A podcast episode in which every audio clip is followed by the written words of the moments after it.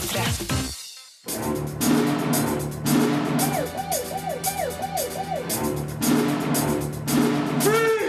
Filmpolitiet! What's your name, dude? Eh, Birger Vestmo. What kind of stupid name is that? Thor The Dark World er ei diger norrøn skrøne. Jobs forteller en for enkel historie om Apple-sjefen. Saudi-arabiske Den grønne sykkelen er mer viktig enn god, og det blir skrekk og gru ganger tre når vi anmelder Halloween-premierene The Purge, Your Next og Insidious Chapter 2. Vi skal også se på spill i dag. Assassin's Creed 4 Black Flag er et skritt tilbake for den populære spillserien. Batman Arkham Origins lever heller ikke opp til forventningene, mens Battlefield 4 er nesten fantastisk. I tillegg til alt det her skal filmregissør Rasmus Sivertsen fortelle om åpningssekvensen av Solan og Ludvig jul i Flåklypa, som har premiere neste fredag. Du kan nemlig se de første fire minuttene akkurat nå på p3.no skråstrek filmpolitiet. Her skal det anmeldes film. Thor The Dark World. After all this time, now you come to visit me, brother. Why? Thor The Dark World kun har blitt en pinlig affære i andres hender. Men akkurat som i den første Thor-filmen håndteres stoffet av svært flinke folk med tyngde, både foran og bak kamera. Det gjør at jeg lett gaper over all usannsynlige eventyrligheter, ekstreme tilfeldigheter og andre tvilsomme elementer som må til for at manuset så vidt skal henge sammen. Det her er nemlig så solid gjort, så vanvittig effektfylt og så sjølironisk morsomt at det blir nærmest latterlig underholdende. I gave you my word.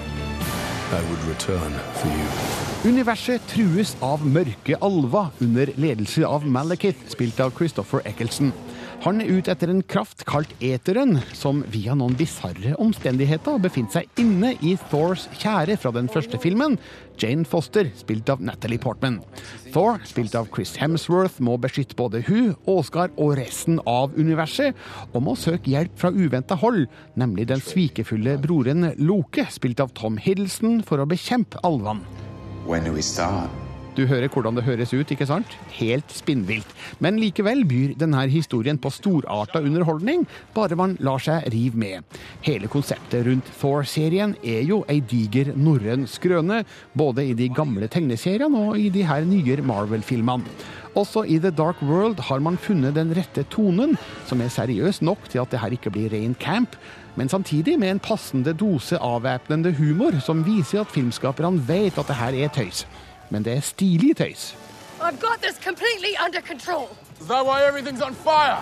I registolen er Kenneth Branagh bytta ut med Alan Taylor, som har regissert flere episoder av TV-serier som The Sopranos, Mad Men og Game of Thrones. Han har kanskje ikke et like godt grep rundt den store mellommenneskelige dramatikken som Branagh, men nesten. Rivaliseringa mellom Thor og Loke når nye høyder, samtidig som vi aner den gjensidige broderlige kjærligheten og respekten som fremdeles eksisterer mellom dem. Kanskje det er derfor jeg liker Thor-filmene så godt, fordi det mellom all tegneseriekitchen fins spor av gjenkjennbar menneskelighet. Thor The Dark World er på all måte et imponerende helteepos, med effekter som er like vakre som de er storslagne og dramatiske, akkompagnert av et tordnende lydspor med ekstrem dynamikk. Dette er altså nok en vellykka Marvel-film, og man kan spørre seg når suksessrekka tar slutt. Denne filmen signaliserer at appellen fremdeles er kruttsterk. Et lite tips til slutt. Bli sittende gjennom hele rulleteksten for en aldri så liten bonusavslutning.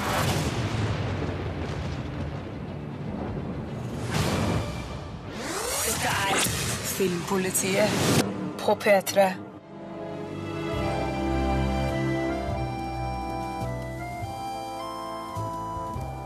Østafor sønnafor og vestafor nordafor ligger et lite sted der tida har stått stille. På våre nettsider p3.no filmpolitiet kan du akkurat nå se de første fire minuttene av den kommende storfilmen Solan og Ludvig jul i Flåklypa. Og vi har besøk av filmens regissør Rasmus Sivertsen. Hallo! Hallo, hallo! Ja, du, de første fire minuttene er altså da ute på nett allerede. Ja. Resten av filmen den har vi til gode å se. Men det jeg lurer på, eh, hva er det som er viktig for deg med anslaget til en film? Eh, Det som var viktig i akkurat den filmen her, det var jo å fortelle eh, publikum om eh, vår tolkning av Flåklypa-universet. Derfor så har vi valgt et anslag eh, der vi forklarer litt om hvordan vi ser Aukrusts hovedkarakterer, Solan, Ludvig og Reodor. La oss høre et lite lydklipp fra det. Litt mer Felgen spesial nå, så skal det bli fart, Ludvig. Nei, uff a meg. Dette ender med forferdelse. Oi, kanskje Ludvig slumper til å ha et poeng, Solan. Du får ta det litt med ro. Jekk opp jepen, du, da. Her er det ingenting som kan gå galt. Ja, det her høres jo ganske kjent ut. Men når du da skal innlede filmen og presentere figurene, eh, hvordan gjør man det på en best mulig måte? Det vi har valgt å gjøre i denne filmen, er å bruke et uh, lysbildeshow. Så når vi, eh, når vi møter karakterene for første gang, så er de ute på tunet der og står med en, en propellkjelke som Reodor har bygd, klar til å teste den. Det har ikke kommet snø enda, men eh, Solan har veldig lyst til å teste denne kjelken likevel. Og innimellom eh, disse scenene så klipper vi inn lysbildesekvenser av historiske hendelser i hver karakters liv, for å vise litt eh, hvordan vi ser disse karakterene. da. Mm. Det er kanskje ikke sammenlignbart helt, da, men hver gang jeg har sending på radio, så er det veldig viktig for meg å få starten til riktig, at den sitter ordentlig. For gjør den det, så, er så går resten av sendinga av seg sjæl. Men hvis det går skeis, så sitter jeg med en grym følelse under hele radioprogrammet. Eh, Hvordan er det på, på film? Jeg tror det er veldig viktig, jeg tror det, og spesielt eh, når det er så, et så kjent og kjært univers som det er, så er det, så er det veldig viktig å sette tonen eh, tidlig og ha publikum på vår side og dra de inn i historien. Så da er det, mm, da er det en blanding av eh, at vi, viser, vi presenterer karakterene, og, og at vi har litt, grann, eh, og litt action da, helt i begynnelsen her. Mm. Nå kan altså alle se de første fire minuttene på p3.no skråstrek eh, filmpolitiet. Håper du på et rush i kinosalen fra neste fredag? Det gjør jeg helt klart. Du skal komme tilbake til Filmpolitiet da, og da skal vi snakke mer om filmen. Så takk så langt, Rasmus Sivertsen. Takk skal du ha. Tok jeg for mye Felgen spesial? Vi skulle ha venta til det kom snø. Andreas Hatzel Opsvik, du har vært ute og sett skrekkfilm. Det har jeg. Insidious Chapter 2. Det er jo da slik at det var halloween i går, og tre skrekkfilmer hadde premiere i anledning det. Før vi snakker om filmen, jeg fant fram et underlag, som det heter på radiospråket, i eh, arkivet vårt, som heter Halloween-underlag. Det må jo passe bra.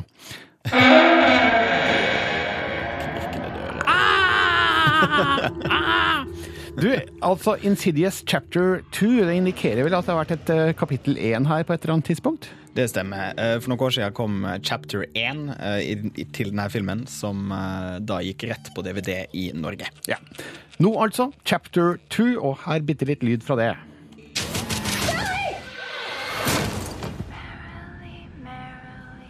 Still happening. What is? Tell us, what does she want?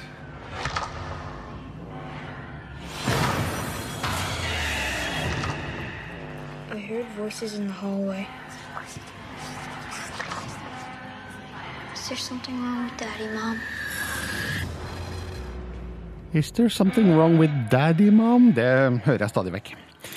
Vel, altså, ja, hva handler det her om, Andreas? Nei, eh, Den tar da eh, utgangspunkt i eh, eneren. Slutter akkurat der den gjorde. Og i første så var det at sønnen til paret Renee og Josh, som var i sånn demoninnført koma eh, Som da var som årsak av at uh, denne familien har en greie med at når de drømmer, så kan de reise til en sånn alternativ dimensjon. Og i oppfølgeren så finner de da eh, familiens eh, åndeutdriver død. eh, og må rett og slett flytte ut av heimen sin fordi det blir innført en etterforskning etter hvorfor denne dama her da er død. Og så er det da eh, som Is there something wrong with daddy, mommy? Eh, det at faren kanskje har et, nok en finger med i spillet. her. Ja, Er det sånn at man bør ha sett den første her for å henge med?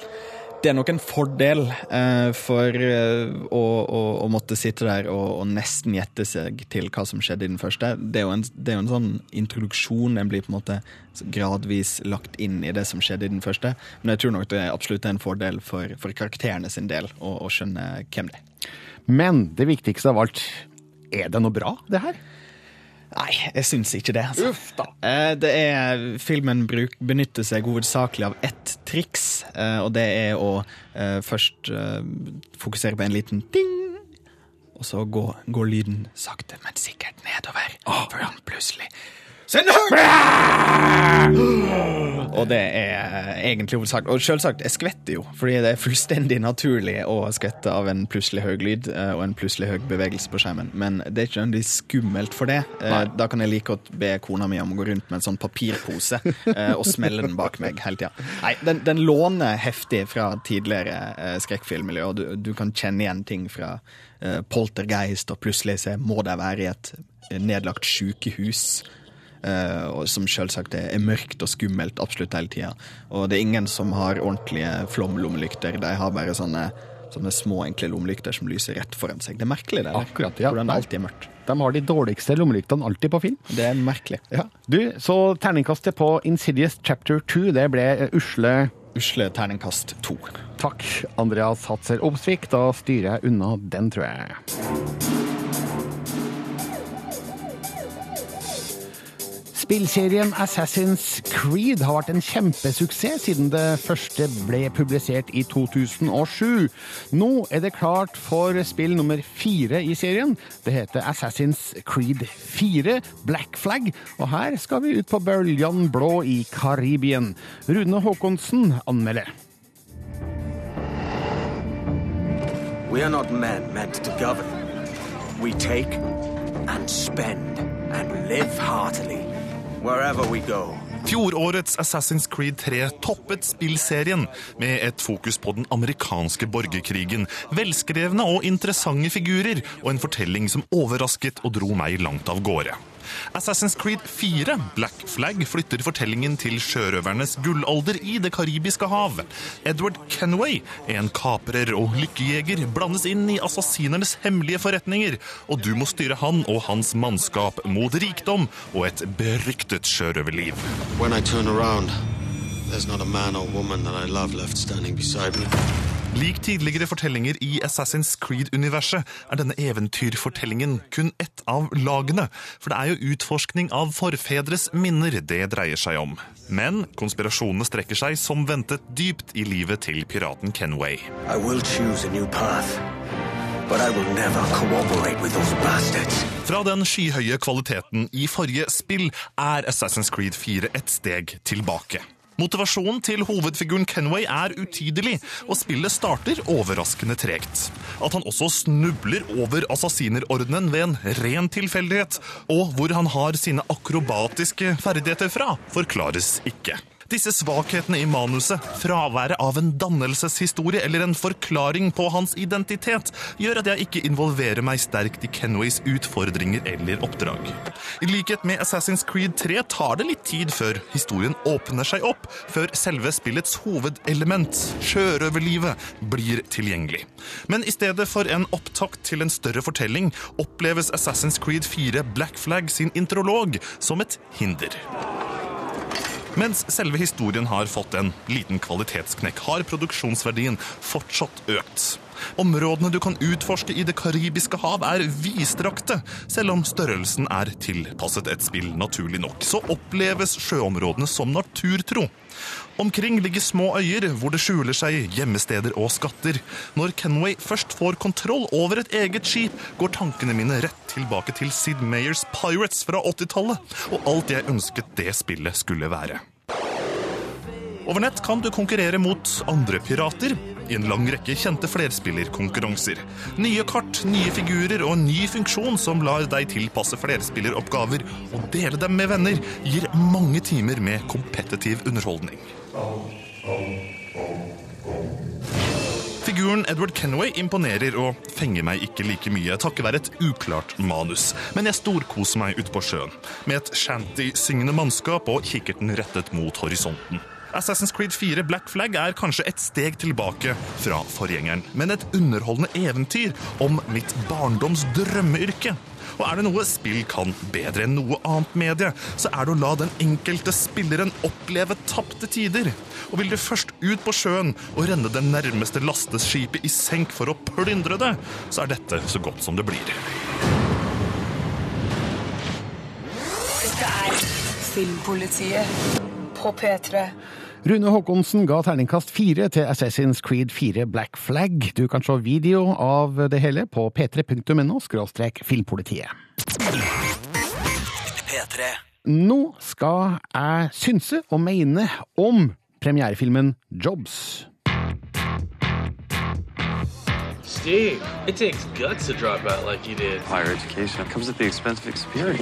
Det er ingen tvil om at Steve Jobs var et geni, men hvor interessant filmen om han er, kommer an på hvor interessant du syns det er å følge karrieren til en computerselger. For meg bare sånn passe. Det er tidvis morsomt å se gjenskapninga av nerdemiljøet på 1970-tallet, som var utgangspunktet for hele Apple-eventyret. Men Jobs sine videre suksesser og motganger skildres med overdreven patos, som om vi så en klisjéfylt sportsfilm. Og gubben sjæl skildres for enkelt og lettvint, slik at jeg ikke blir klokere på Steve Jobs enn jeg var på forhånd. Is this everything? Filmen starter med Jobs største suksess, introduksjonen av iPoden i 2001 i et kaldt og sterilt konferanserom hos Apple. Så spoler vi tilbake til varme 1970-tallsfarger på Reed-universitetet, der Jobs er på jakt etter noe han kan bruke livet sitt til. Han fatter interesse for den gryende datateknologien, og samler et knippe lyse hoder for å koke sammen noe helt nytt i et ukjent marked. Filmen viser hvordan det her forandrer Jobs fra å være en varm drømmer til kald, kynisk og beregnende forretningsmann. I'm gonna sue you for every cent! Det første som slår meg ved filmen, er at Ashton Kutcher tydeligvis har studert Jobs litt i overkant. Hans gange og kroppsholdning blir rett og slett for karikert. Men ellers syns jeg Kutcher gjør mye bra i denne filmen. Han får frem glimt av Jobs sitt brennende engasjement, hans kompromissløshet, og hvordan det her ofte skapte avstand mellom han og dem han jobba sammen med. Det er ikke Kutchers skyld at filmen likevel ikke makter å forklare mennesket Steve Jobs. Hvorfor denne forandringa fra drømmer til businessmann? Matt Whiteleys manus hinter til en vanskelig barndom og lefling med LSD, men forsøker ikke gi klare svar. It's my project. It's mine. Regissør Joshua Michael Stern og hans team er flinke til å skape troverdige miljøer uten å overdrive 70- og 80-tallets visuelle uttrykk. Men det overdrives stort på sentimentalitet, noe jeg innbiller meg at Jobs sjøl hadde lite av. Hver gang han oppnår noe stort i denne filmen, pøses det på med komponist John Debnys smektende strykere, som om Jobs nettopp har besteget Mount Everest eller vunnet Superbowl, når han egentlig bare har introdusert en ny Mac på en datamesse. Det her er et viktig stykke datahistorie, men jeg vet ikke om kinosalen er riktig sted å fortelle den i. Jobs kun så avgjort vært vær, men òg langt bedre. De mest innbitte Apple-fanatikerne vil sukke henrykt over å se originale produkter fra 30 år tilbake. De likegyldige, som nok er i flertall, vil trekke på skuldrene. Jeg er et sted midt imellom. Jeg kjeda meg ikke, men ble heller ikke revet med av historien som fortelles, og fikk ikke større forståelse for hva som drev Jobs. Jeg tviler på om estetikeren og perfeksjonisten Steve Jobs ville ha godkjent denne filmen. Because the people who are crazy enough to think they can change the world are the ones who do.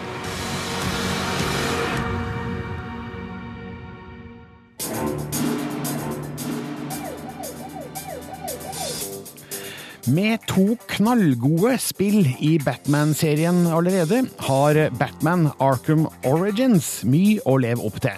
Arkham Asylum fikk terningkast fem, mens Arkham City oppnådde sekseren hos oss i Filmpolitiet.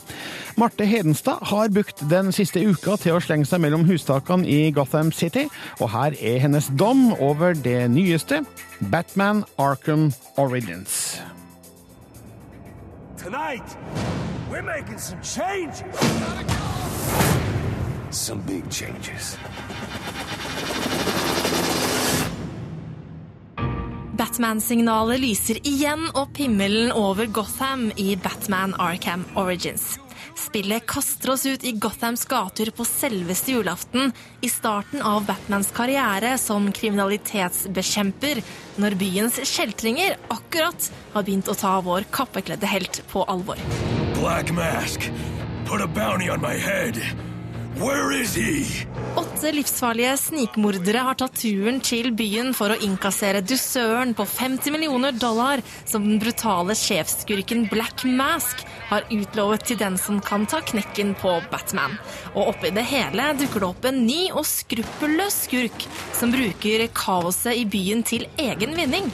Og Batman får dermed sitt første møte med den uberegnelige skurken vi kjenner som Batmans erkefiende, Joker. Nice of you to drop in.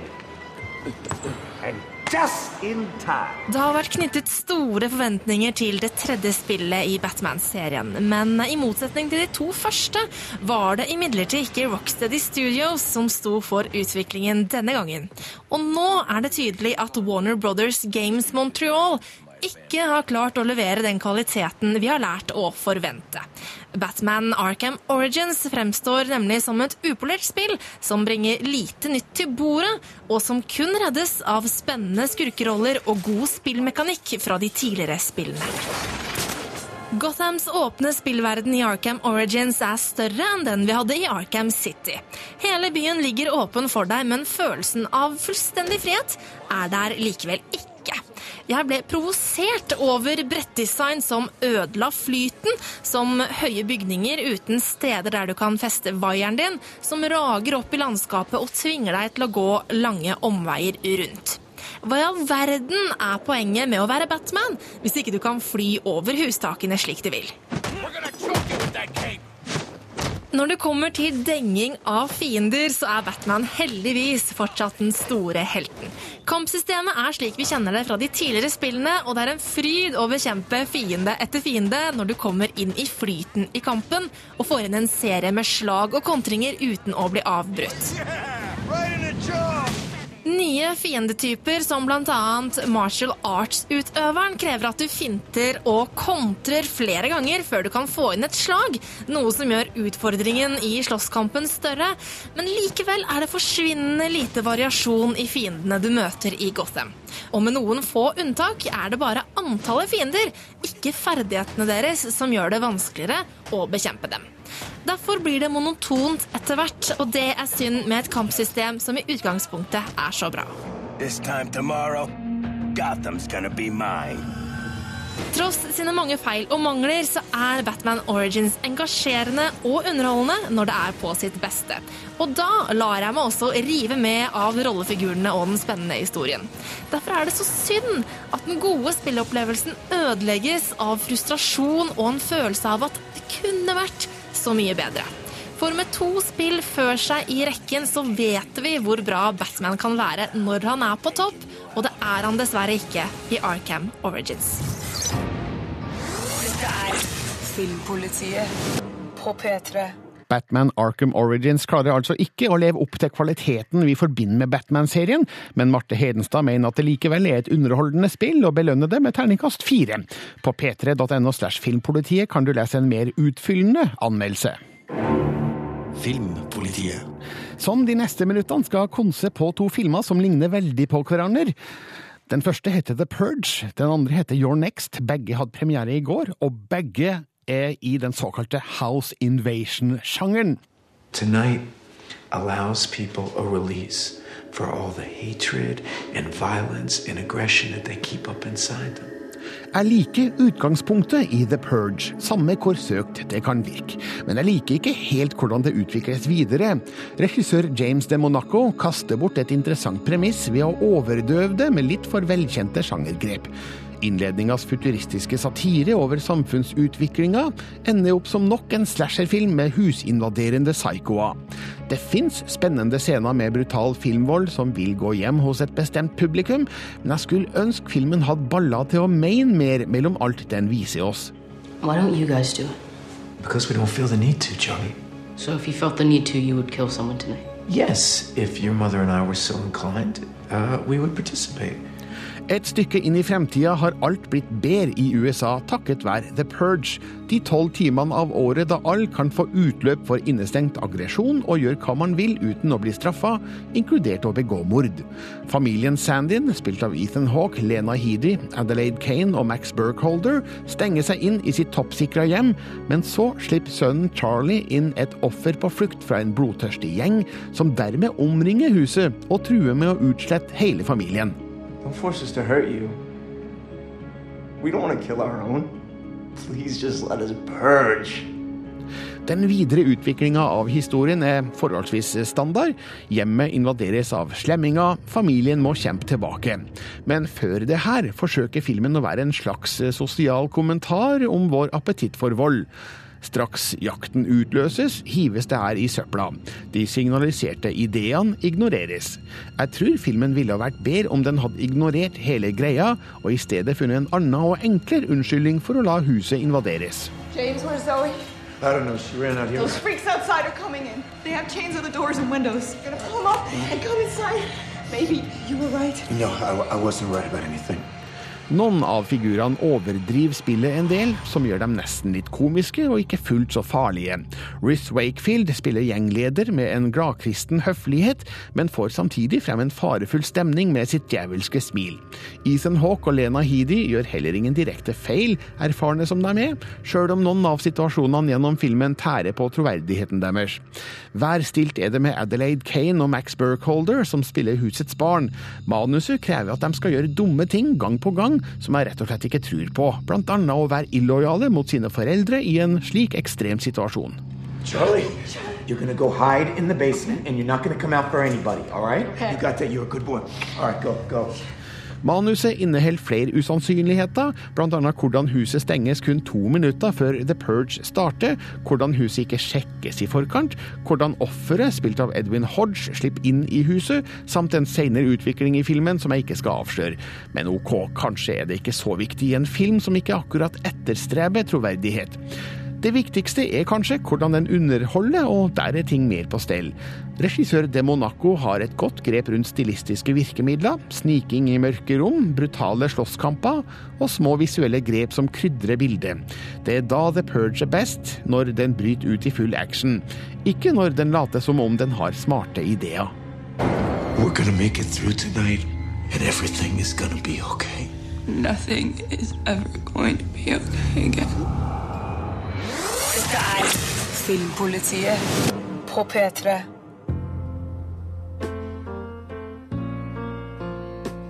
I just want you all to know how much it means to us that you're all here.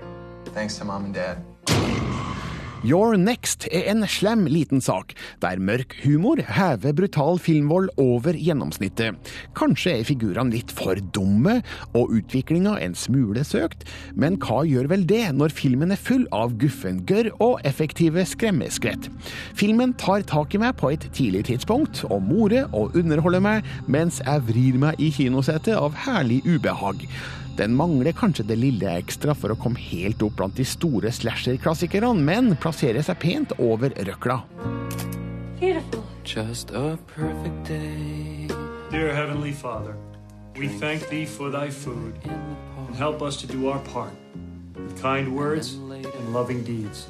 Amen. Amen. gets dark, we go home. En stor familie med heller svake bånd til hverandre samles for en gangs skyld for å feire foreldrenes bryllupsdag på deres store herregård. Men den beklemte familiehyggen brytes når en skummel maskekledd figur går til angrep med armbrøst og machete. Mobiltelefonene virker ikke, og den eneste naboen er, skal vi si, indisponert. Men en av gjestene har ukjente ferdigheter som gjør hun i stand til å bekjempe angrepet. Okay, we should each carry a weapon. Jeg liker at figurene i filmen er ganske vanlige folk. Det er kanskje liten vits i å nevne navn, for det er ingen kjente på rollelista uansett. Charney Winston fremstår som den mest interessante blant dem, med en forhistorie til figuren hennes som er like oppfinnsom som den er søt. Men det her er ikke en historie som trenger å være troverdig. Den trenger å være morsom og skummel, og det er Your Next.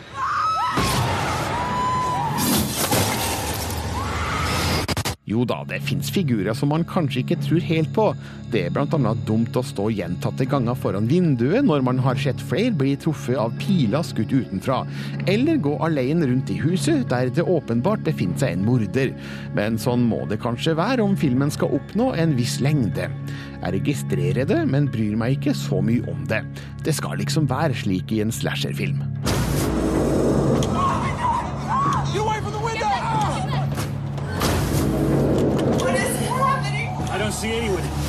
Your Next er spenstig regissert av Adam Wingard, som følger slasher-konvensjonene uten å være bundet til dem. Det spilles f.eks. lite på sex her, og når det gjør det ved to anledninger, er det med et humoristisk tilsnitt. Voldsscenene, en viktig del av enhver slasherfilm, er direkte og utilslørte, uten å bli direkte spekulative. Your Next frarådes ungdom under 15 år av Medietilsynet, noe de gjør helt rett i. Men all over 15 kan godte seg over en frisk og vellaga skrekkfilm som holder stemninga opp, eventuelt ned, til aller siste billedrute.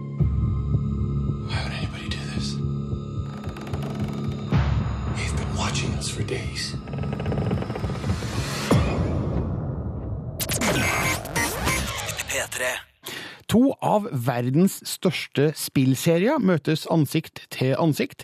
I neste uke kommer Call of Duty Ghosts, mens i går kom den svenske spillutvikleren Dice med sitt Battlefield 4. Spillanmelder Rune Haakonsen har krøpet inn og sett krigen i hvitauget. We're not leaving them. We need them. That's an order. Fuck you. Enkeltspillerfortellingen i Battlefield 4 er kort. Bare fem timer etter at jeg startet, var den ferdig. At den er velregissert, godt skrevet og intens, er på én side et tegn på at den svenske utvikleren Dice kan få til større fortellinger om de vil. Men sannheten er at det å kun spille Battlefield 4 alene er helt meningsløst. Let this storm carry us home. Mens Call of Duty-spillene gjerne går i retning av arkadeorientert spillestil, med mindre fokus på realisme, har den oppgraderte spillmotoren til Battlefield 4 tatt et nytt steg i retningen av heldynamiske omgivelser. Det gjør slagene, hvor opptil 64 spillere over nett kan kjempe på enorme kart, til en taktisk spillopplevelse uten sidestykke. Utgangspunktet for enkeltspillerfortellingen er likevel verdt å merke seg. Kontrafaktiske fortellinger er blant mine favoritter i populærkulturen. Hva om ja, vær åpen for tanken. Hva om det kinesiske maktapparatet mistet grepet på sin tallrike befolkning? Militæret rykker inn, en milliard mennesker rammes av unntakstilstand, og en verden rundt forsøker desperat å holde den sprekkeferdige situasjonen under kontroll. Spenningsforholdet mellom de gamle motpartene USA og Russland er også på bristepunktet. Her kommer du inn, sersjant Rekker, som en del av en gruppe topptrente amerikanske spesialsoldater. For å oppdage årsaken til opptøyene, til uroen, for å finne nøkkelen til verdens videre stabilitet og eksistens, må du reise jorden rundt på oppdrag. Med på laget har du Dunn, Irish og Pack, tre karer alle godt stemmelagt. Med raske, brutale og effektive grep knytter du tette bånd til dine kamerater. De ekstreme forholdene du opplever sammen med dem, sveiser laget tett sammen, og jeg tror på erfaringene de deler, og fortiden de har. Storslagent, med høye spenningstopper, må du kjempe deg gjennom virkelighetstro omgivelser som har designkvaliteter i verdensklasse. Men Dice glemmer aldri at Battlefield-spillene handler om underholdning. Selv om spillets fortelling legger opp til en virkelighetstro linje, viker den knapt fra soldatenes perspektiv. Det betyr at du ikke kan havne i en realistisk situasjon hvor du går tom for kuler og krutt. Med jevne mellomrom utover brettene er det plassert et sjenerøst antall våpenbokser, hvor du når som helst kan bytte på arsenalet og selvsagt fylle opp ammunisjon.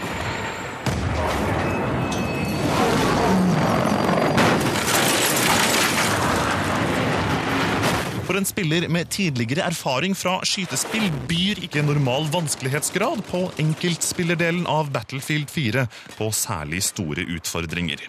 Temperaturen starter på topp, og fortellingen glir knapt under kokepunktet i løpet av sine knappe fem timer. Men la oss være ærlige. På tross av en velskrevet, spennende og intens opplevelse, enkeltspillerdelen av Battlefield 4 er kun en liten del av hva svenske Dice nå byr på.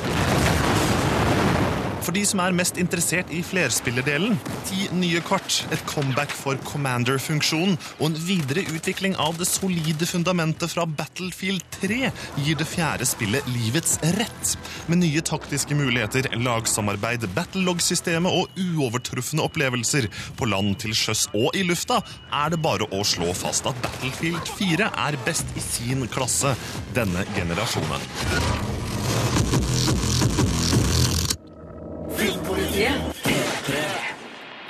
Kun en avstumpa enkeltspillerfortelling hindra Rune Haakonsen i å gi toppkarakter til Battlefield 4.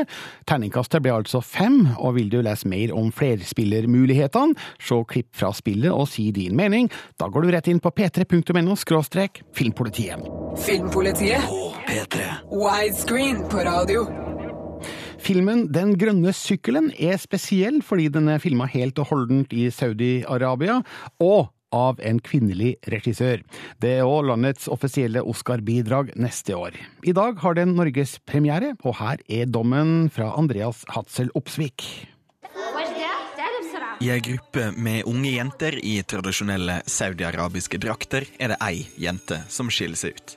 I stedet for saklige, ordentlige svarte sko ser vi et par svarte Converse med lilla lisser. Den grønne sykkelen har fått mye oppmerksomhet for å være den første filmen helt og holdent filma i Saudi-Arabia, i tillegg med en kvinnelig regissør fra et land kjent for streng kontroll på befolkninga si. Og det er nettopp det her regissør Haifa Al-Mansour tar opp, på en eh, egentlig ganske konvensjonell måte. Converse-eieren er Wajda, ei eh, ti år gammel rappkjefta jente med forkjærlighet for popmusikk. Så oppdager hun Den grønne sykkel. Sykkelen kommer farende på et biltak til den lokale lekebutikken, og Vajda er med ett forelska. Da er det bare synd at jenter av forbud med moralpolitiet ikke får lov til å sykle. Hun spør mora, men pengene strekker nok ikke helt til.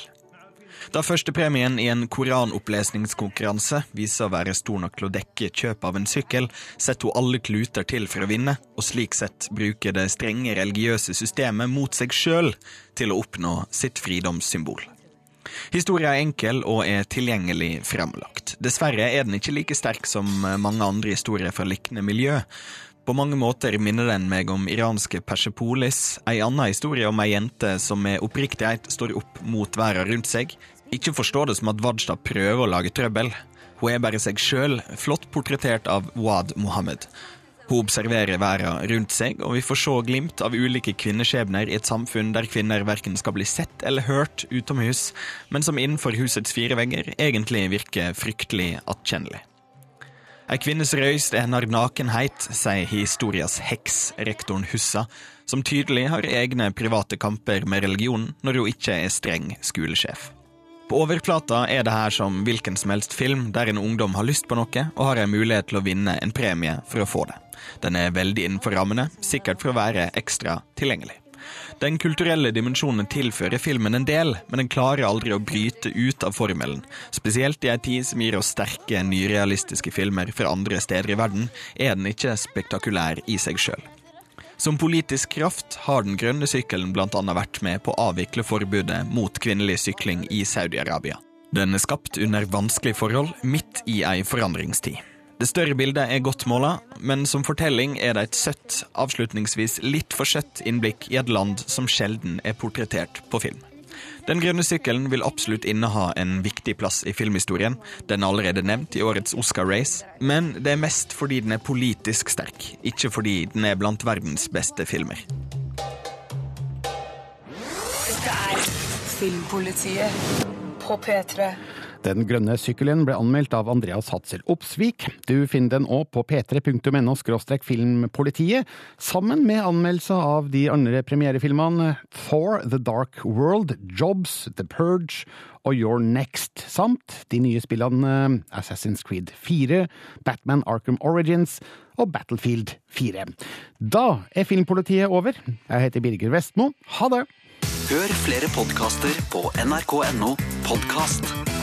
P3.